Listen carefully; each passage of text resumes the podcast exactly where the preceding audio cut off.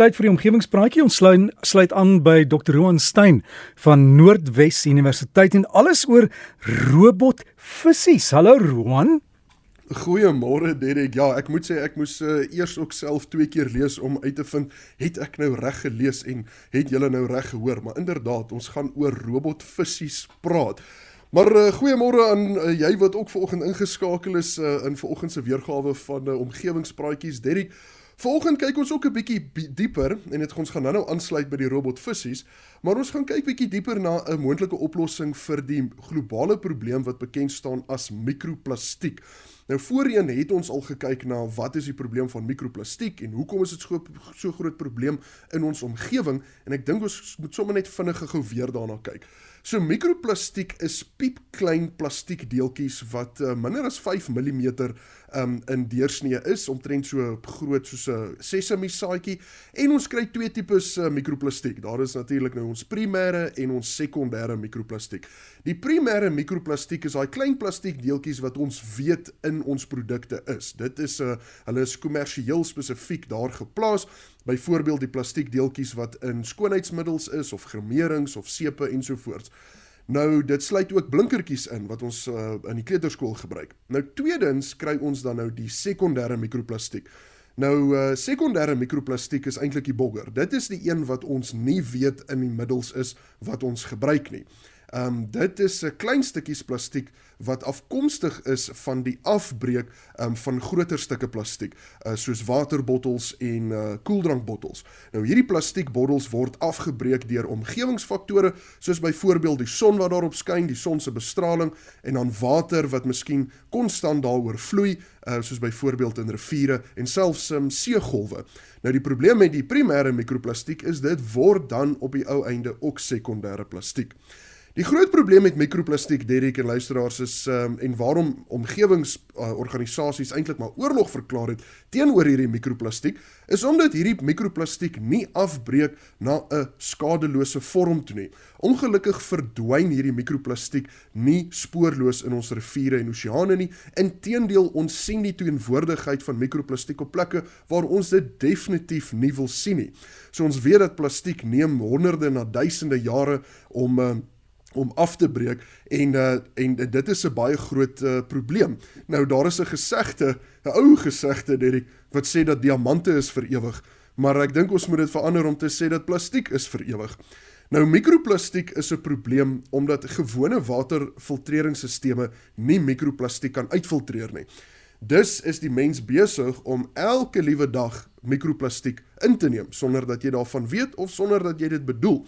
So daar's 'n bekende studie wat daarop gewys het dat die gemiddelde mens neem omtrent 5 gram mikroplastiek in per week. Um en en om dit in perspektief te sit, dis omtrent die massa van jou bankkaart, jou jou, jou kredietkaart.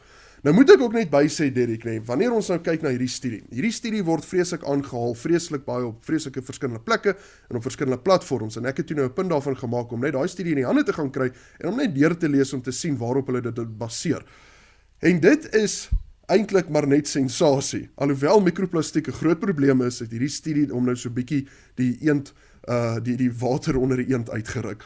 So waar dit op neerkom is dat in die uiterste geval sal mense wat in New York bly 5 gram mikroplastiek per week inneem, maar dit kan ook so laag wees soos 0.1 gram mikroplastiek en dit tel ook natuurlik net vir die mense in New York. En ek dink vir my as wetenskaplike en ek dink meer ander wetenskaplikes ook kan partykeer nogal vies raak wanneer 'n mens sulke uh hoofopskrifte sien wat sensasie en emosie probeer ontlok sonder om die perspektief daar daar te stel. Nou, maar nietemin, alhoewel daardie opskrif effens misleidend was, is dit wel Eh, die geval dat mikroplastiek 'n groot probleem is.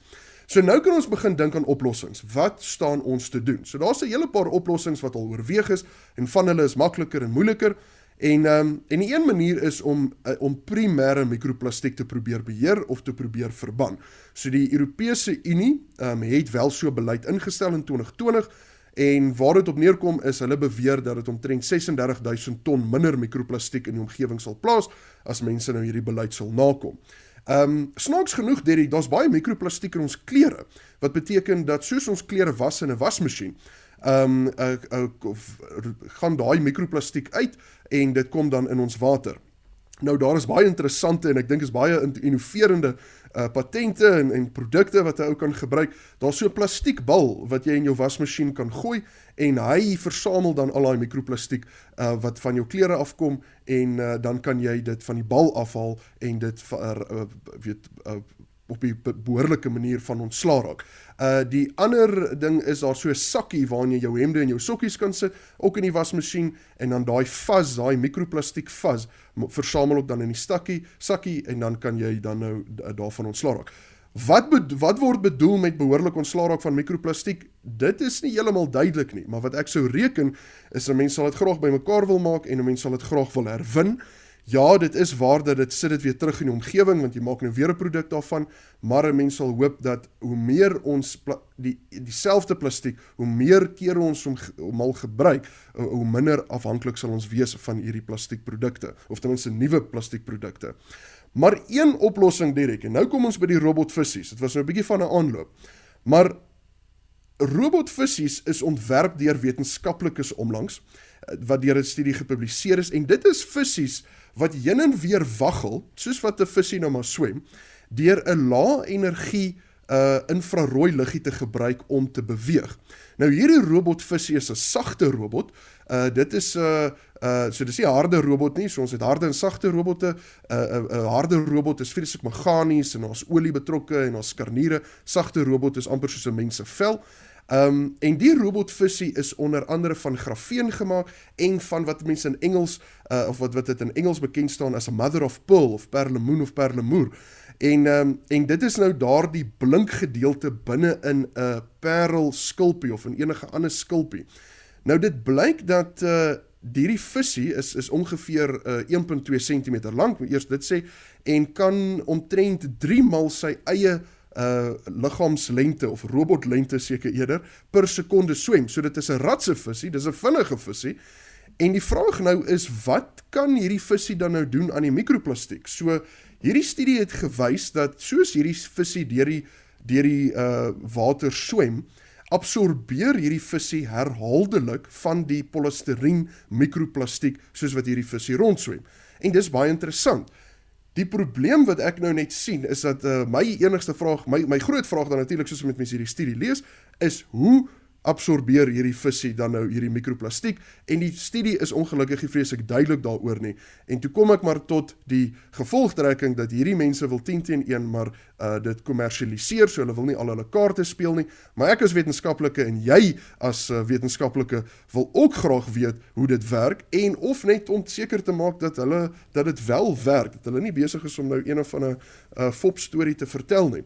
Die voordeel hiervan Derek is dat uh, ons kan derduisende van hierdie robotvisies loslaat in 'n dam en uh, of selfs in 'n oseaan en hulle kan rondswem en die in die plastiek absorbeer en omdat ons nou in beginsel hierdie robotvisie kan beheer, kan ons hulle terugkry um en uh en en en dan kan ons ontslaa raak van hulle op die regte manier. Hoopelik kan ons hulle dan herwin. So uh hierdie is maar net 'n bewys van die konsep dat in beginsel is dit moontlik om iets in die water te sit wat die mikroplastiek kan uithaal. Ons kan hopelik dit herwin en uh en dit kan hopelik die netto hoeveelheid plastiek in die wêreld heelwat minder maak. So ek sê ten slotte Derek, uh, miskien een van die dae vang Andries van jou uh, hengel bydra robotvisies um en uh, van klein na groot uh, wat 'n uh, wat 'n klomp mikroplastiek in hulle robot magies het, maar ek moet sê eerder plastiek in uh, robot robotvisse se magies as wat ons plastiek in regte visse se maag kry. Dankie Derrick, lekker naweek vir jou. Selfs vir jou baie dankie Roan en uh, Roan Stein van Noordwes Universiteit. Hy sal op die omgewingspraatjies blad plaas van die plastiekbal, die visse en ek wonder hoe werk dit met jou spysvertering? Verteer jy van die plastiek? En as jy baie van dit eet oor 'n lang tyd, gaan ons almal rondloop as plastiek.